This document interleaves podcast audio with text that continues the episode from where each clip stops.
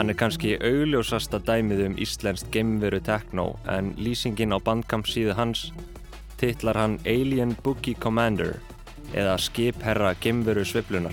Samt var ísbreðan alveg yfir Östuvöll ennþá.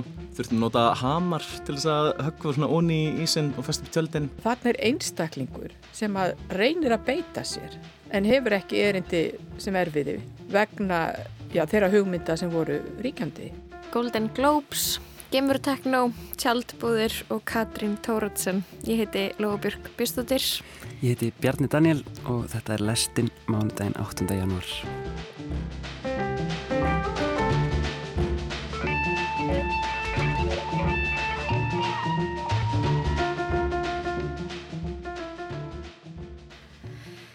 Já, við ætlum að byrja þáttin í dag á smá Golden Globes yfirferð. Hvernig listir á það, Björn Daniel? Mjög vel, mjög vel. Ég náði ekki að fylgjast með þannig ég er spenntur að heyra hvað gekk á. Um, já, það kannski gekk ekkert sérstaklega mikið á en uh, þetta, þessi hátíð var að taldin í gær í Hollywood eins og vanalega um, fína og fræga fólkið og allt bransaliðið mætt á svæðið mm -hmm. um, Og, og einn fulltrúi okkar Íslandingar, Laufey, sá ég á Instagram. Jú, Laufey var mætt, uh, glæsileg á rauða teppið.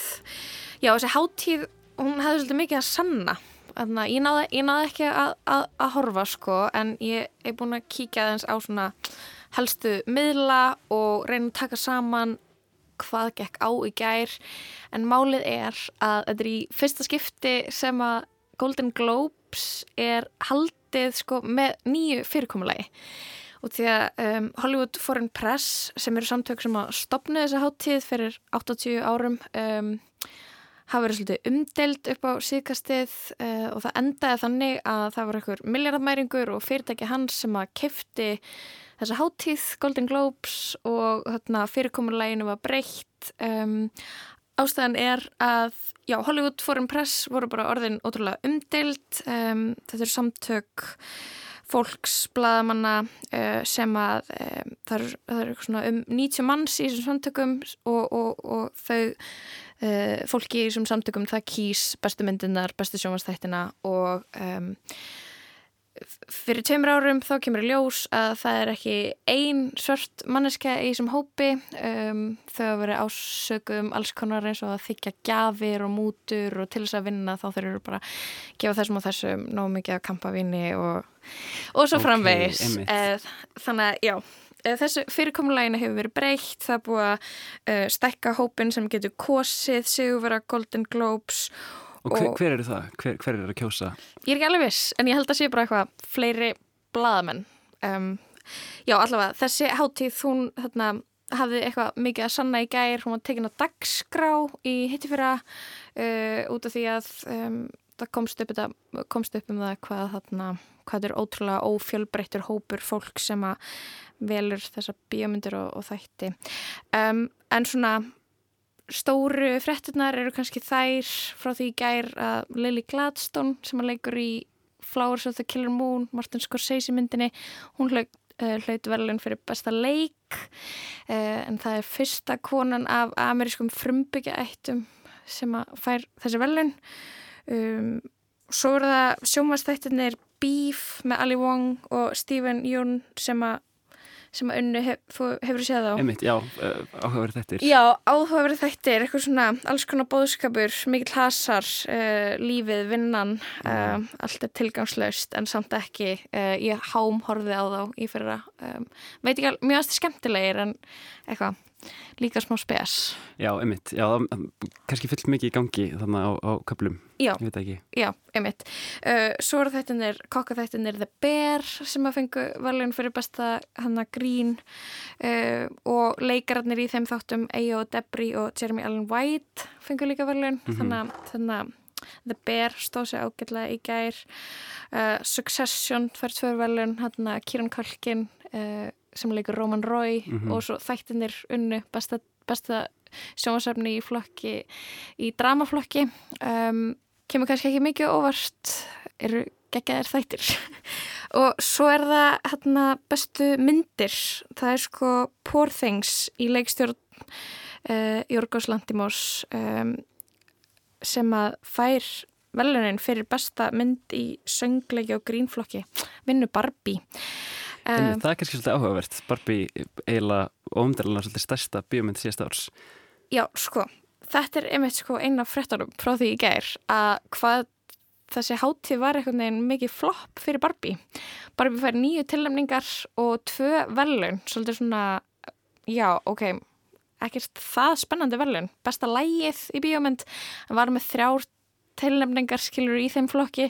Það er hérna Billie Eilish hérna What Was I Made For lægið sem að fær, fær það. Og svo líka fáðu velunin fyrir Cinematic and Box Office Achievement. Bara svona um, velun fyrir að hafa salt vel. salt vel í bíó. Og um, þannig að þú veist einhvern veginn allt þetta hæpi kringum sko að Oppenheimer og Barbie myndi einhvern veginn sópa til sín velunum á velunaháttíðum og uh, slá í gegn. Það er svona, já það var ekki það var einhvern veginn ekkert spes háttíð fyrir Barbie og, hérna, og þú veist samkeppnin á millið þessara mynda hún er einhvern veginn svona þú veist, já það var, varði einhvern veginn bara ekki að neinu í gær sko. Allavega Oppenheimer fekk velun Já, í okay. drama en landla líka ekki að keppa í sama flokki og Barbie á þessari hátíð. Um, Var þetta líka, var hátíðin líka flopp fyrir Oppenheimer, myndir þú segja það? Um, nei, þau, þau fór bestu mynd og Cillian Murphy fær fyrir besta leik um, Emma Stone úr uh, Poor Things fær fyrir besta leik þannig og svo er það handritið, það er fallegar hátt Anatomy of a Fall sem var líka geggjum mynd. Um, þú veist þannig að jú, Oppenheimer fekk ágætilega mikið af valunum Poor Things líka og það var ekkert mikið eftir fyrir Barbie. Þannig að þetta eru kannski fréttunar frá því í gær að um, já, allt uh, já, einmitt, Barbie slóði gegn í bíó en er allavega ekki að byrja þessa verðlunahát, þetta verðlunaháttíðar tímabil eitthvað sérstaklega vel. Mm. En ég veit ekki, uh, sumir hafa ótrúlega mikið áhuga á því að stúdera verðlun og, og hvernig hlutunum munu fara en mér finnst það bara gaman í bíó. En Björn Daniel, hvað uh, er næst á dagskrá í listinni? Já, næst ætlum við að heyra uh, annan þátt úr uh, örseríunni á samvinskunni sem Anna Marsabel Klausen vann uh, og, og, og var flutt hérna í, í lestinni 2022. Já, þetta er þáttunum með tvö sem fjallar um Katrínu Tóratsen Lækni. Uh, ekki bara að heyra það.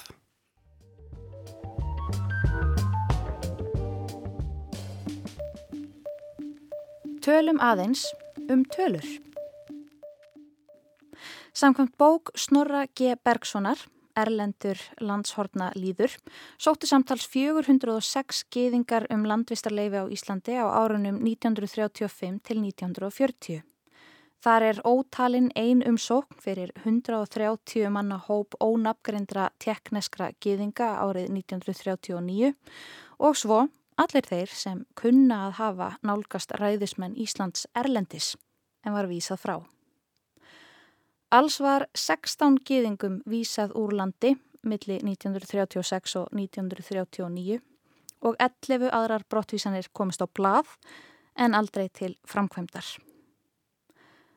Á skrá yfir Þíska ríkisborgara á Íslandi frá 1940 voru 27 fullornir flottamenn. Þar á meðal 10 gýðingar en eins og Snorri segir í bóksinni Virðast engir flottamenn hafa fengið landvistarleifi hér fyrir februar 1939 í það minsta, gaggjert vegna þess að þeir voru gýðingar. Sumir voru sérfræðingar og fengu landvistarleifi á þeim grundvelli, aðrir eða öllu heldur aðrar, voru giftir slíkum sérfræðingum og einhverjir fengu leifi vegna sérstakra tengsla við landið, áttu þá kannski íslenska vini sem gáttu tala þeirra máli. Fleiri gefingar á flótta voru vissulega hér á landi en þá án landvistar leifis. Höfðust í raun við ólöglega og í óþökk ríkisvaldsins og komust flestir á brottvísunar listana. Jafnvel gefingar sem komið höfðu nokkuð fyrir stríð og voru þannig ekki skilgrindir sem flótamenn áttu í hættu á að vera vísað úr landi. Á þessum tíma voru ekki til samfélagsmiðlar, bara útvarp og dagblöð sem voru mismóttækileg fyrir áköllum eftir réttlæti og miskun sem ykkert fólki á flótta. Kanski má kalla þau bergmálshella síns tíma.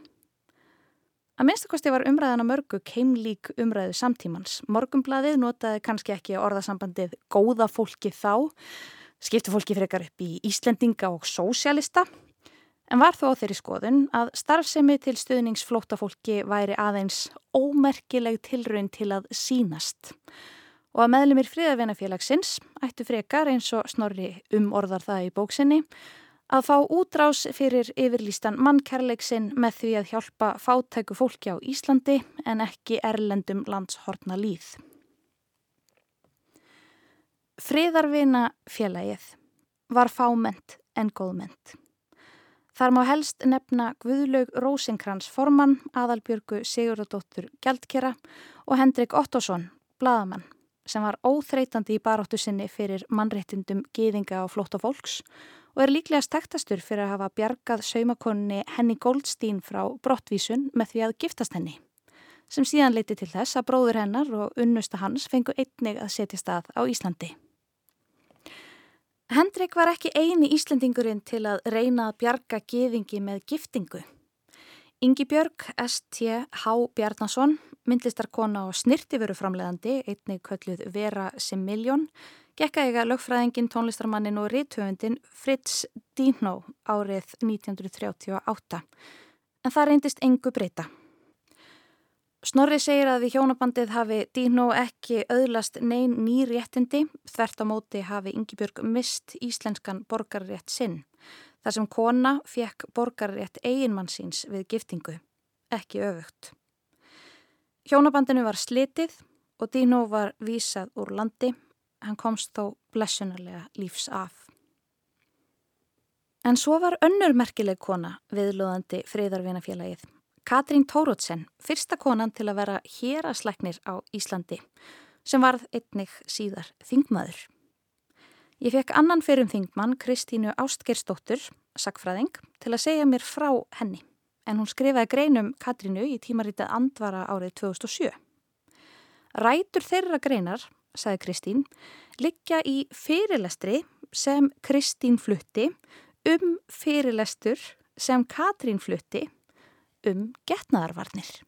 Hún flutti fyrirlæstur um takmarkanu barnegna í, bæði í útvarpinu og hjá ímsum verkefælisfélögum sem vakti alveg gríðarlega aðtegli og nextlun upp úr 1930 og síðan var hann gefin út af því að, já, það, það var náttúrulega mjög mikil umræðið um það á þessum árum í heimskreppunni, hvernig væri hægt að takmarka barnegnir, var, var mikið deilumál líka innan verkefælisreiðingarinnar og hún vissi nú alveg hvernig kjörum fólks var háttað og það var náttúrulega mikið, mikið um fátækt og húsnæðiskortur fólk bjó í, í, í hróðalegu húsnæði og alls konar kjöllurum og upp á, upp á háa loftum.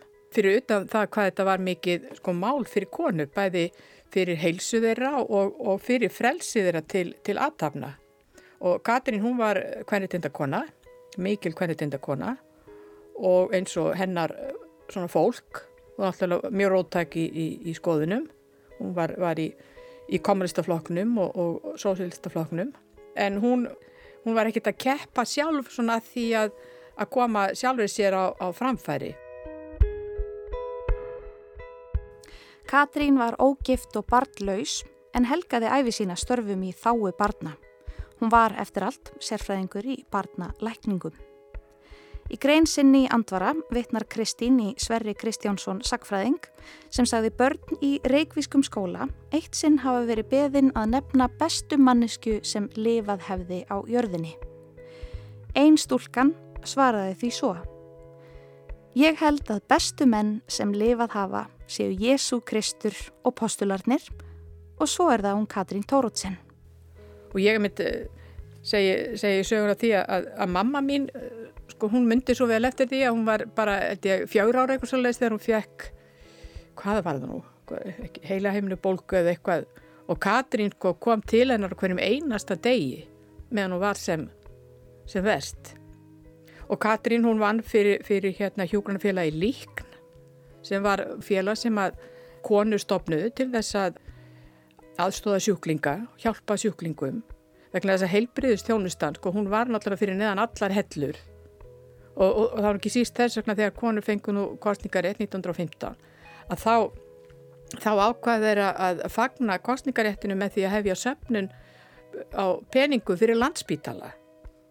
Þetta var svona, það er mörgum þótt þetta skrítið en þetta var svo mikið í þeirra andað að hugmyndafræðin á þessum tíma, hún gekk svo mikið út á það að byggja upp sko velferðarkerfi, hjálpa þeim sem að höllum stóðu fæti og, og þær voru í þessu meir og minna. Það þarf ekki að koma óvart að þegar friðarvinafélagið fór þess á leit við stjórnvöld árið 1938 að Íslendingum er þið leift að taka nokkur geðingabörn í fóstur, færi Katrín Tóruðsen þar fremst í flokki. Raunar var umsóknin orðið þannig að hún sjálf myndi taka að sér nokkur ónemd geðingabörn tímabundið á meðan foreldrarnir flýðu Þískaland. En einnig er ljóst að Katrín vildi sérstaklega taka að sér ákveðið þryggja ára gamalt gýðingabarn frá Vínarborg. Það kemur nú ekkert fram sko hvernig, eh, hvernig hún komst eh, í, í samband við þetta fólk en hún semst, reyndi að bjarga gýðingabarni frá stúlku frá Östuríki. Það var, fæðurinn var þegar komin í fangabúðir og, og móðurinn var í, í felum eða, eða og það var sérst verið að reyna að bjarga barninu og hún skrifar fyrst yfir völdum en það er lítið um svör þannig hún hefur samband við Herman eh, Jónasson sem þá var fósittur á þeirra og það er bara þvert nei. Katrín sagði frá samskiptum sínum við foreldrana og við Herman í grein í þjóðviljanum undir fyrirsögninni Mannúð bönnuð á Íslandi. Laust fyrir miðjan desember síðastliðin bað Östurís kona megum að taka að sér þryggja ára gamla dóttur sína um óákveðin tíma. Kona þessi er af gýðingættum og maður hennar er einnið gýðingur. Annars er það af honum að segja að hann er starfsmaður við gasstöð í Vínarborg, afskipta lítill meinleisis maður sem aldrei hafi tekið neittn þátt í stjórnmálum. En þegar Hitler komst til valda í Östuríki var honum á samt ótæljandi fleirum gýðingum kastað í fangabúðir og síðan hefur ekki til hans spurst. En nú hafði konan fengið tilkynningu um það að hún myndi einnig verða sett í fangabúðir þann 15. janúar ef hún þá væri enn innan landamæra hins þriðja ríkis. Jafnframt var henni þó neitað um vegabref svo engrar undankomu var auðið. Hjón þessi áttu eina dóttur barna, þryggja ára gamla og móðurinni hefur líklega þótt væntumanna eins og maðurum þykir stundum um afkvæmi sín. Hún sneri sér því til mín gegnum millilið þó og bað mig um að taka barnið þar til útsíð yrði um afdrif hennar sjálfrar en í annað hús var ekki að vernda þar eða ættingjar hennar allir voru í sömu vandræðum og hún. En á hinbógin var ógjörningur að koma börnum fyrir hjá arískum vinum eða kunningum því hinnum aríska kinnflokk er stránglega forbóðið nokkurt samneiti við gýðinga eða gýðingabörn. Slíkt eru talin landráð þar siðra. Hoppum lengra inn í greinina. Eftir að Katrín hefur reyfað samskipti sín og fríðarvinafélagsins við Herman Jónasson og aðra stjórnmála leðtoga, kemur hún loksins að svarinu. Það var skýr neitun. Vegna þess hver lengi stóð á svari fórsættisráð þeirrans þá dró ég um of að gera bóð eftir barninu en þó að það fengi ekki lengra landvistarleifi en þetta hálfa ár sem lögin heimila vildi ég samt að það kæmi, hjælt kannski að eitthvað úrrættist setna með dvalarleifið. En þegar skrifað var, var það um seinan. Ekkert svar kom aftur og frá konunni austurísku hef ég ekki heyrt síðan. Líklega er hún í einhverji fangabúðinni hans Hitlers en hvar litla stúlkan hennar flækist vil ég helst ekki hugsa um. Og þannig að henni tókst nú ekki að, að bjarga þessu badni og það er, það er staðreind að allavega hluti þeirra gýðinga sem hinga leituð og voru sendið tilbaka, þeir bara lendi ásvits. Þetta er náttúrulega bara, finnst mér svartur blettur á, á sögu Íslands. Ömurlegur.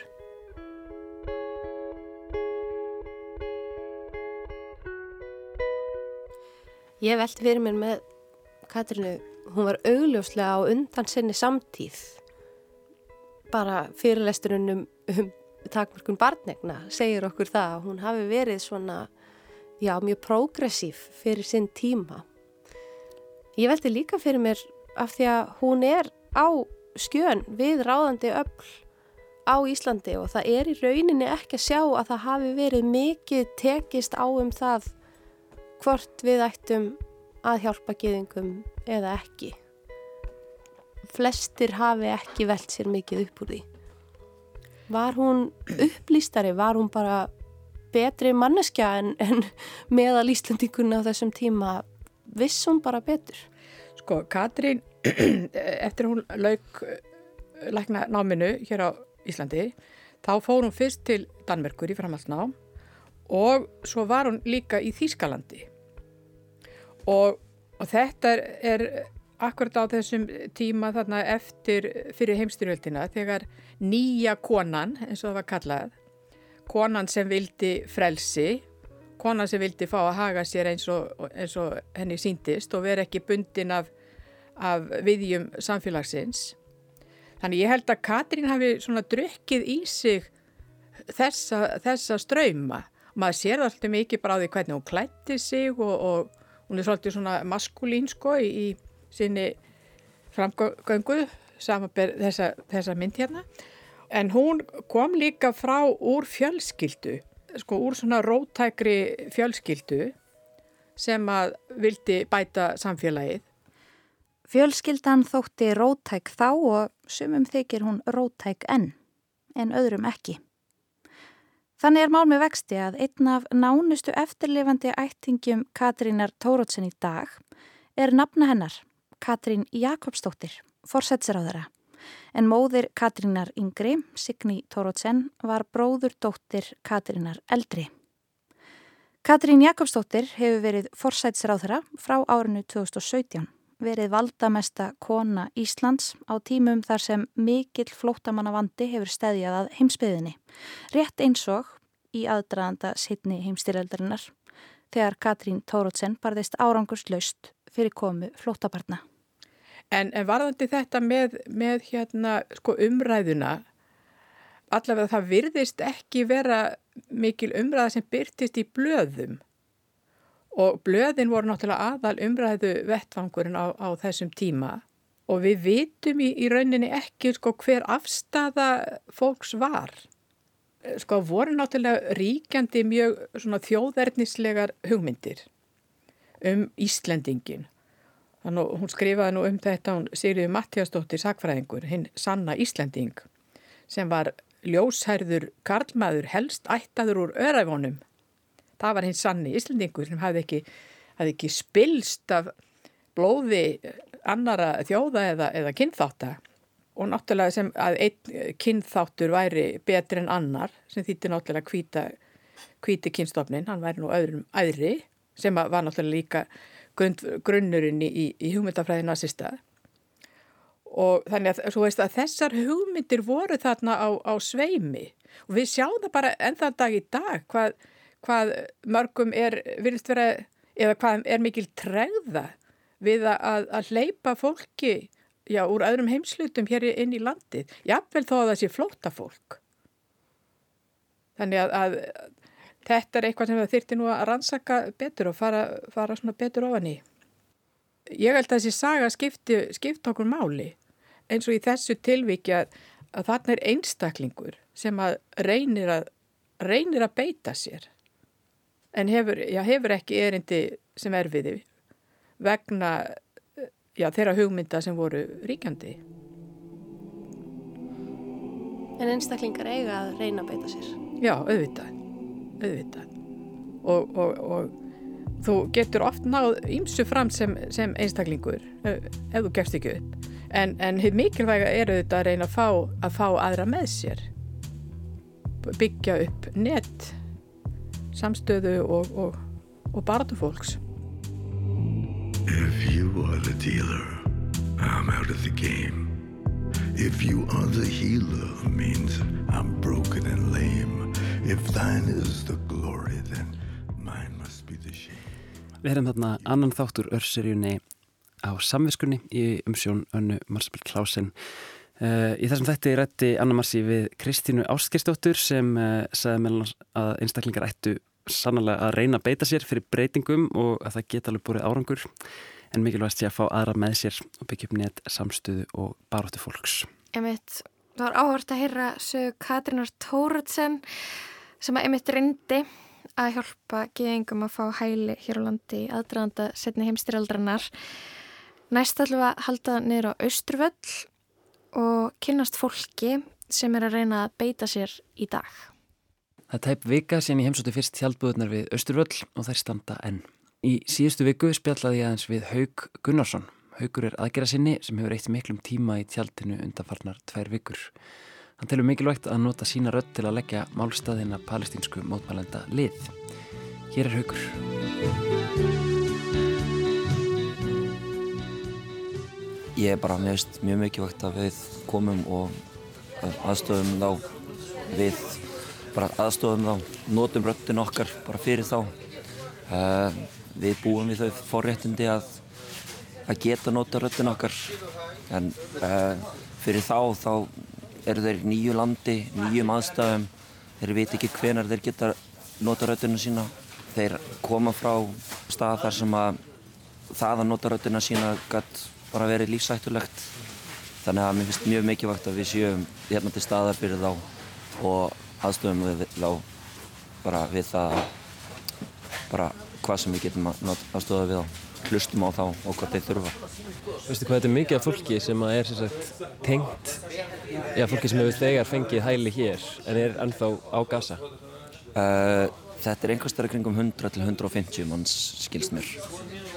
Það er alveg já og þeir eru þeir eru rauninni ekkert að ná alltaf sambandi á hverjum degi sko. Það líður stundum fjóri-fimm dagar þá með áður en þeir ná aftur að heyra í fjölskyldunum sínum hvort að þau séu á lífi hvort þau fá að borða. Þannig að já, mér finnst mikilvægt að bara að við náum að vera tilbúin þegar þeir ná að heyra í fjölskyldunum sínum. Að koma hlutum í gegn sko uh, Sko nú eru þessi tjöld búin að vera uppi hérna frá því milli jól og nýjars. Erstu búin að vera hérna mikið? Uh, ég byrjaði að koma, já, síðan ég byrjaði að koma þá hef ég búin að vera mjög mikið hérna, já. Uh, ég, já, þannig að senustu dagana, já, þá er ég búin að vera svolítið mikið hérna. Og, og hvernig er stemmingi búin að vera? Maður er búin að heyra alls konar sögur hérna frá, frá mönnum sem eru hérna í tjaldinu í dag að, sko, bæði að, að mikið af Íslandingum sé að koma á sína stuðning en, en svo sé líka, gerist líka hitt að það komi fólk sem að, já, er ekki þar, getur þú sagt. Nei. Hefur orðið var við þetta? Já, ég er um eitt búinn að sjá báða, báða hliður á þessu. Það er rosa mikið að góðu og indalju og frábæri fólki sem kemur öllna að vil stiðja upp baki að þeim.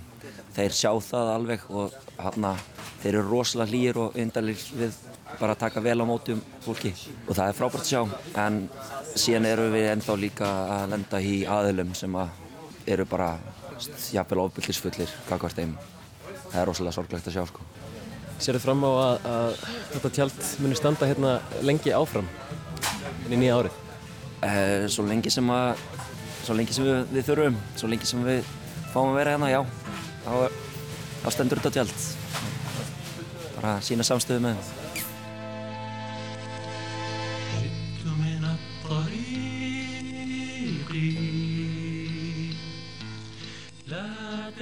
Við heyrðum í hauki Gunnarsinni, þetta viðtal var tekið upp í tjaldinu við Östruvöll á þriðudaginn í síðustu viku. En það hefur sannlega ímislegt gengið á á Östruvölli síðan þá og meðal annars safnaðist fjöldi fólk saman í tjaldbúðunum yfir aðfaranótt sunnundags og eittir nóttinni þar í samstöðu með mótmælendum. Ég gerði mér aftur ferðinir í bæ í morgun með langaði að heyra hvernig helgin hefði gengið fyrir sig.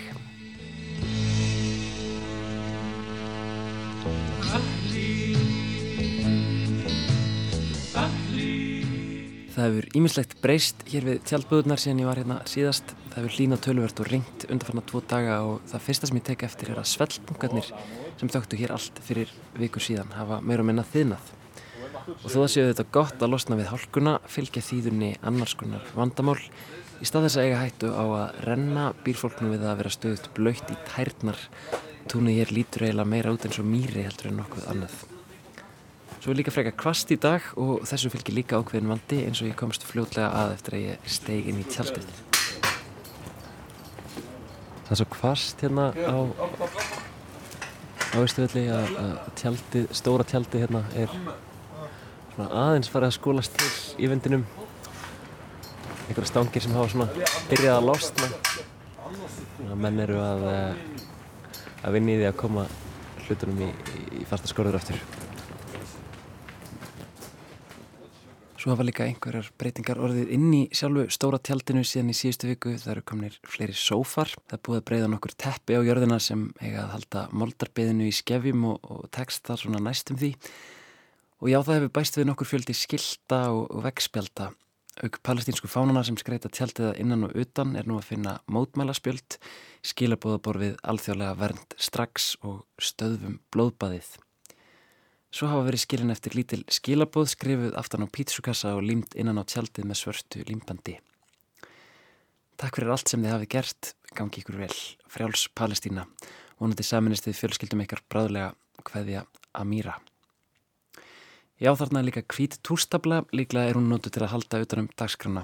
Í dag stendur þar skrifað með rauðum og grænum túrs sitt á hvað. Þriðu dagur, 9. janúar, mótmæli við Tjarnargötu 35 klukkan 9.30 að morgni planið á morgun sem sagt. En við ingangina tjaldinu er lítið borð, þar eru yðurlega kaffikönnur, keks, ávegstir og fleira smálegt sem fólk getur nartað í. Við hliðin á borðinu eru tvö handskrifuð plaggut, eitt á ennsku og eitt á arabísku, með upplýsingum um nokkur skonar umgengnisreglur sem eru tillaðar Collective Agreement, samkominlag um umgengni, frágang og eskila hegðun. Númer eitt, ekkert ofbeldi eða áreiti, Númer tvö, engin výmöfni eða áfengi í tjaldbúðunum. Númer þrjú, gangið frá eftir ykkur. Númer fjögur, ró eftir miðnætti. Og númer fimm, bannaða reykja inn í tjaldinu. Það er lítið um að vera í tjaldinu þegar ég lít við kringum háti í dag. Þarna eru þrýr menn frá Palestínu. Eitt þeirra þekk ég frá því síðustu viku. Hann er enn klættur í sama kuldagallan og er dálítið þreytulegur en tekur á móti mér með handapandi og breyðu brosi. Þetta er Naji Assar Á morgun mun hann hafa dvalið í búðunum í tvær vikur samfleitt. Skulum taka stöðuna á Naji. It's been almost uh, one week since we uh, met last time. How are you feeling now? How are I feeling? I feel like uh, it's too much feeling. Makes feeling. It's not easy. Like you standing here like uh, 13 days. We are here. feel tired too much. I'm sick a little bit. Yeah, also uh, I'm not doing for workout. Uh, I'm not eating like good, but just I'm feeling good about. Uh, I feel for my people here. Just when I'm thinking about this, I get positive more. when I'm feel for when I'm thinking for my people. Yeah, I'm feel of them, you know. Yeah. Það er tilfinningaþrungið og alls ekki auðvelt að vera hér í 13 daga. Nati er bæði ósofin og veikur en hann segir þó að þegar hann hugsi til fjölskyldusunar á gasa hellist einhvað síður yfir hann baráttu andi. Við hliðin okkur þar sem við sitjum í sófum inn í tjaldinu eru vegspjöld. Af þeim er hægt að lesa kröfurnar þrjár sem mótmælendur hafa sett fram. Númer eitt fjölskyldu saminningar, númer tvö fundar með Katrínu Jak, Bjarnabén, Guðrunu Hafsteins og Mumma strax, númer þrjú stöða brottísanir á palestinsku flótafólki og veita þeim vernd. Við spjöldum aðeins um þessar kröfur. We talk here about reunion vacation about families, to get my families or whole families when he have a proof, to get them out of Gaza, get them safety. Because situation in Gaza every day coming more hard. every day more hard.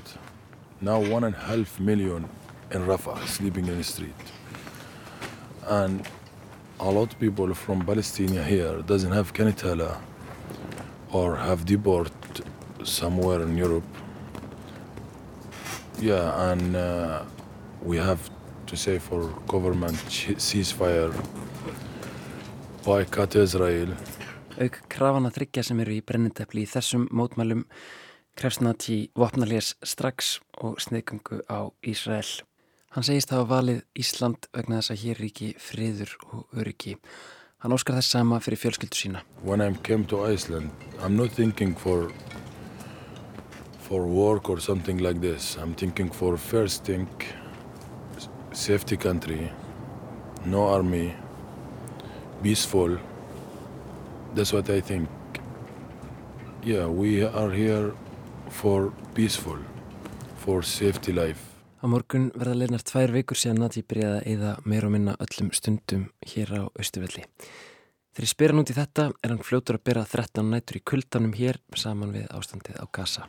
That's too much when you stay or sleeping in the street 13 days. But when I'm thinking I'm 13 days here, but my people now 93 days in the street, one and a half million people in the street. When I think for this, I think I'm should be uh, not tired or should, you have to use more of your powers. Right now, no anyone from government coming talk to us or say hi or say hi or say something in social media about this case. We never give up. We still fight about fair life, freedom from Palestine. For my family's reunion vacation, take him out of Gaza, take him safety from Ice, take him to, bring him to Iceland, take him safety. Yeah, we never give up. If we if we still sit here like a year, we never give up. Já, Nati segist aldrei ætla að gefast upp, ég vel þó hann þurfi að dvelja hér í heilt ár. En mér langaði að heyra hvernig helgin hefði gengið fyrir sig. And we are like feeling like more warm in town. A lot of people visit us and stay in town, sleeping in town, talking, eating together, sport, power sport. Actually, this is my first time in my life. I see like like kind people like this. Like I'm too happy in my side, and I have biggest smile. Right now, I have biggest smile. Yeah, actually, I can't. I don't know what I say for them. Thank you. It's little, little for, for, for all people. Really have to say thank you for everyone who coming here, and you are welcome anytime for everyone. Þráttur í mikinn kulda upplöðu Nati og félagar hans mikla hlýju um helgina, segir hann. Þeir átti 50 manns yttu nóttinni með þeim í tjaldinu. Stuðningurinn sem hann upplöði hafi verið einstakur og ómetanlegur. Ég spjallaði mitt líka við tvo íslenska aðgerða sinna sem tjölduðu yfir helgina og fekk þau til að segja mér aðeins frá. Þetta eru þau Árelia og Askur.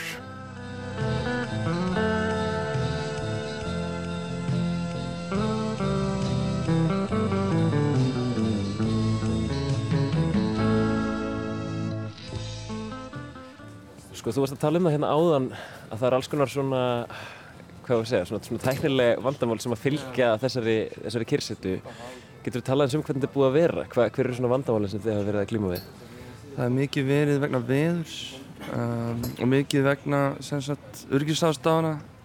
Uh, við erum með ramagn hér í stóra tjaldinu þannig að uh, ég kom hérna með, ég hef mitt komið inn í þetta vegna þess að ég var með vasryggsvi heima og sá hér poll taldi það ekki bjóðandi fyrir fólk sem er að reyna bjarga fjölgtiðstunum úr, úr ólýsanlegri hættu og það er mikið af sjálfbóliðum sem koma hér og, og gera sitt besta við að, við að passa allt sér örugt og hér sé notalegt umhverfið þar sem þeir geta tekið á móti fólki og frætta og reynda að tengjast fólki hér í íslensku samfélagi. Já, það voru þetta aldrei erfiðar aðstæður. Uh, veðri var aðeins fara að versna og það var fyrir að hlýna sem gerði alveg erfiðara. Þannig, en samt var ísbreðan alveg yfir austuvelli ennþá.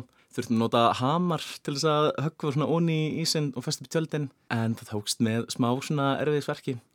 Við vorum alveg á 50 manns þarna uh, Palestínu fólki hafi verið þarna náttúrulega bara frá 27. desember sem er magna, ég er bara, uh, þetta er ótrúlega þrautsi í þeim að halda svona út lengi en þarna var eiginlega komið tíma á, á það fannst okkur að vera með innan handa bara og sína samstöðu í verki Vassriksvan hefur verið mikið nýtt sérstaklega í gær það ringdi mikið og það er búið að vera, að, er búið að vera mikið þýða á klakanum sem ég er hér í kring þannig að hún fylltist nokkur sinnum og við heldum því bara hér í niðurfall út á guttu og um, Við þurftum að taka niður fána um helgina. Já, mörg voru inn í stóri teltunum bara að spila. Það voru margir að spila skítakall og bara drekka kakó og teða saman það var bara ágætt stemning líka þrátt fyrir erfið aðstæður að kom ein upp að koma upp þar sem að voru einhverju úlingar kasta svona vítum þegar hafa tekið sundir eitthvað svona flugöldatertu og búið til einhverju bombur en það var í alveg hæfilegri fjalla frá okkur það var samt alveg óþæld, það var engin eldtætt eða neitt þannig. En það er ótrúlegt emmitt að uh, það var emmitt í þessum fyrst mikil kuldi og þetta óveðurinn það er einmitt á þessum tíma þar sem að íslenski sjálfbóliðar hafa tekið þau að tjálta með þeim. Ég hef mitt tjáltað með, með þeim á, á, á lautarskvöldið og búin að vera hér síðan. Uh, við sjáum svo bara til hvað þetta tekur langan tíma. Við höfum bara tekið eftir í að það er ekki nægilega mikil hlustun á uh, palestinufólkið og alveg, þau hafa verið að kalla eftir í aðráðum en hlusti og bara skýri hvar uh, málu þar er start í samtöðu fjölskyldsaminguna. En þarna áttu við okkur eiginlega bara á því að við þurfum sína samstöðu í verki og bara vera tilbúin að uh, leggja þetta á okkur líka. Þannig við bættum við með 11 tjöldumatna í viðbót og vorum við í nottina. Það er eiginlega bara sprottið upp úr því líka bara að sína að okkur er alvara og að munum ekki draga úr ákæðunum og draga úr bara afli mótmáluna fyrir að uh, fáum kröfur hér gegn.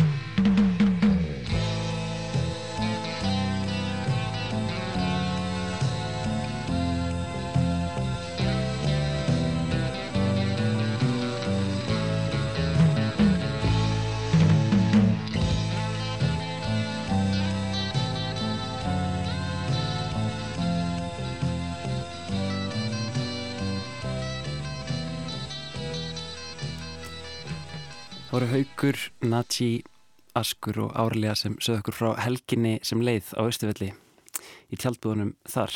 Uh, og í einsleginu heyrist tónlist eftir hljómsveitina Al-Baraem veit ekki alveg með framburinn hérna en, en það talaðum um að þetta sé einn fyrsta palestinska rock hljómsveitin uh, og var starfandi 1966 til 76 Við ætlum að heyra meiri tónlist við ætlum að heyra Íslandst gemverutekno Hjalti Freyr Ragnarsson er sér fróður um þessa tónlistastefnu.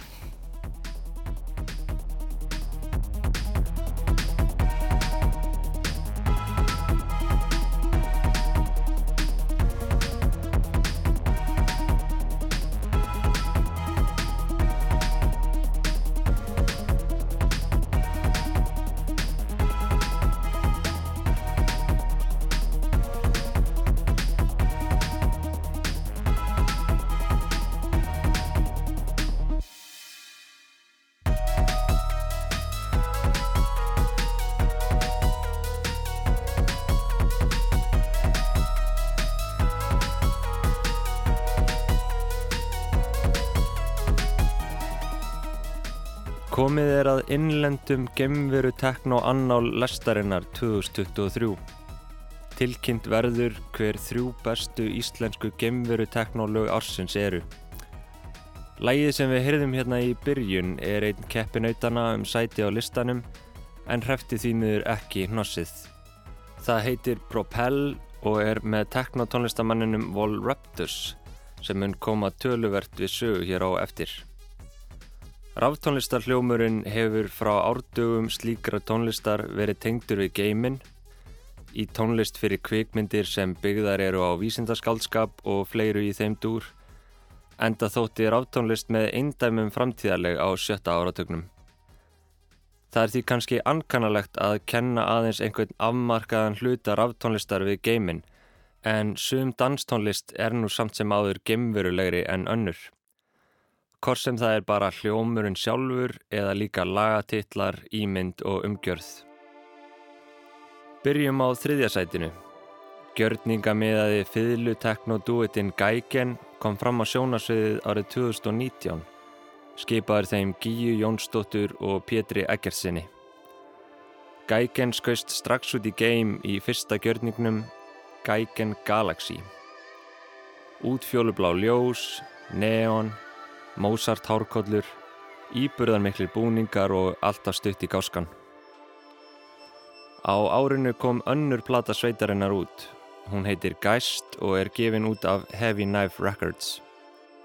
Á henni má finna tónlistina úr danssýningunni Geigengeist sem sveitin vann með íslenska dansfloknum og var frumsýnd síðla árs 2022.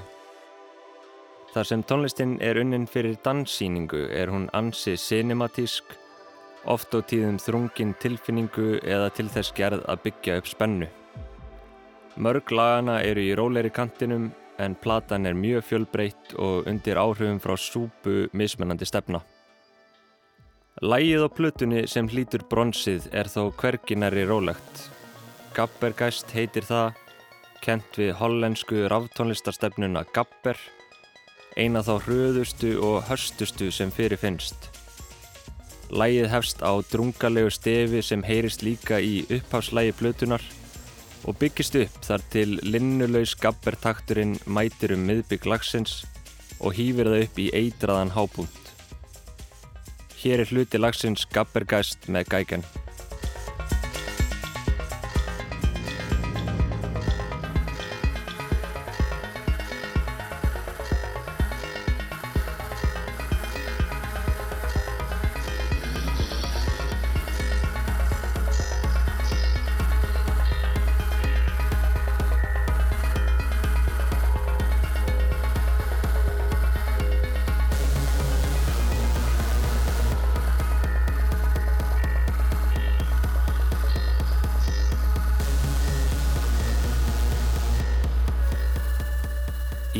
Í öðru sæti er áður nefndur Volruptus með eina af mörgum gemveru gersemum sem hann sendi frá sér á árinu, en hann var yðin við kólan.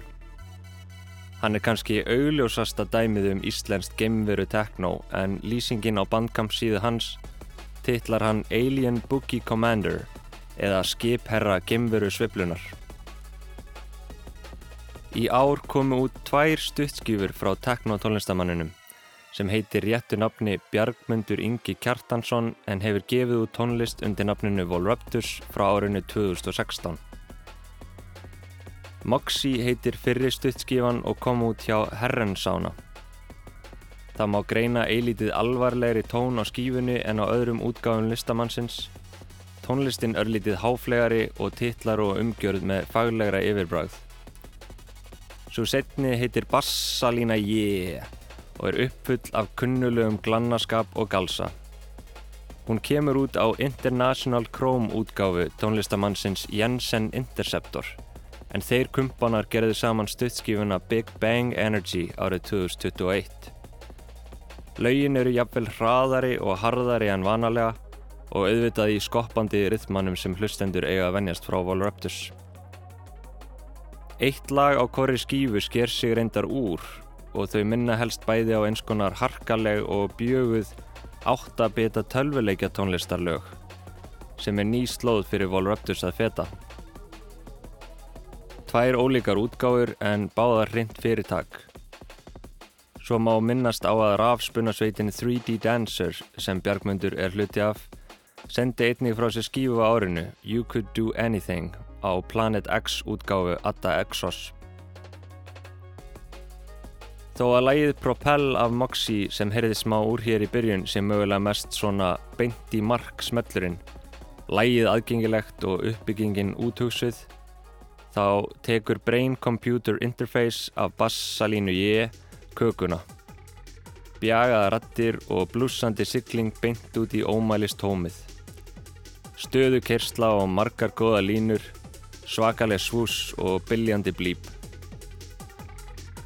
Auk þessara laga langar mig að minnast á lagið Exist Dance en stemningin í því minnir helst á að vera fastur í óráði í tölvuleikja valmynd og svo lagið Impetus í allri sinni Gung Ho geðveiki. Við fáum að heyra brota af laginu í öðru sætunni í ár Brain Computer Interface með Volruptors.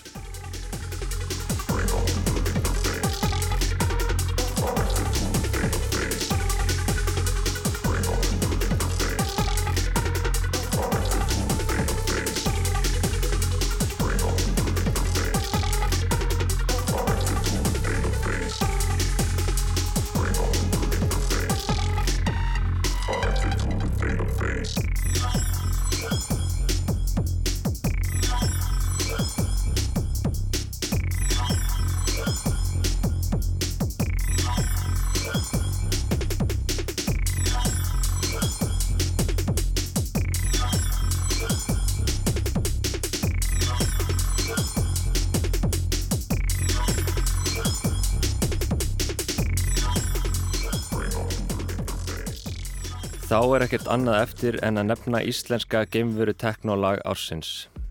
Jadzia er listamannsnafn Kolbrúnar Klöru Gunnarsdóttur. Hún hefur sendt frá sér lög undir þessu nafni í einhver ár en í fyrra kom út fyrsta stuðskíu á hennar, Connection. Geimurinn er henni hugleikin ef markam á lagatillana, hvort sem það er á symbolískan hátt eður ei. En tónlistinn er á sama sögðahúsi og tónlist Volruptors skoppandi taktar sem eiga rætur að reykja til breakbeat tónlistar og svum og búp af síru teknóskólanum. Ekkert af því gerir þó tónlist endilega að gemveru teknói, en tónlist jazzíu er það þó tvímæla löst. Eitthvað við hljóðheiminn, hljóð sem að tengir við vísindarskaldskap eða því um líkt. Á árinu sendi Jazzia frá sér stuttskífuna Hidden Universe sem var tilnæmt til krömsveluna, auk nokkura stakra laga á sapskífum hér og þar. Á stuttskífunni er fátt annað en þrjumuflegar, en í uppáhaldi er opnunarlægið Close Encounter.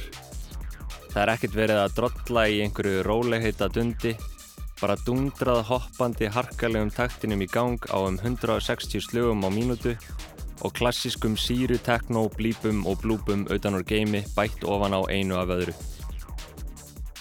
Öll stuðskífan er alveg hrikalega harkaleg, hrjúf og hröð, þó tegðir hljóðgerfla hljómar mikið hana örlitið endrum og eins. Frábær skífa en annað lag ber þó sigur úr bítum. Lægið Surface af sapskífinu The World of Monom Black 3. Þar sem sveimandi synþar draga mann í fjarrana leðslu og meðan sömpluð trommubrót dinja á hljóðhimnunum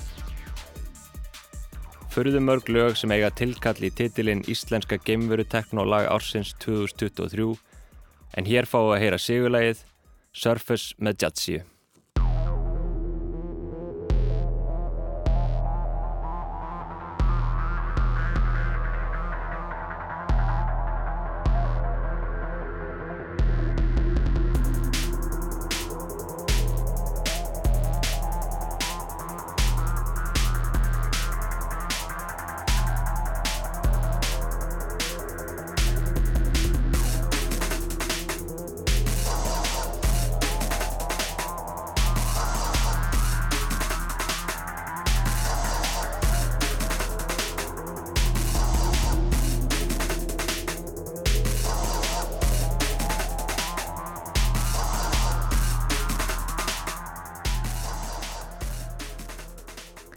Við ætlum að ljúka lestin í dag á besta íslenska geimveruteknolagi ársins 2023, lagið Surface með Jadzia.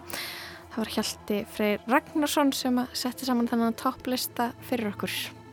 Já, en þá er lestin komin að leiðalögum í dag uh, við Bjarni Daniel og Lóa Björg þökkum kella fyrir samfélgina. Takk um að var litið að Gretastóttir. Verið sæl.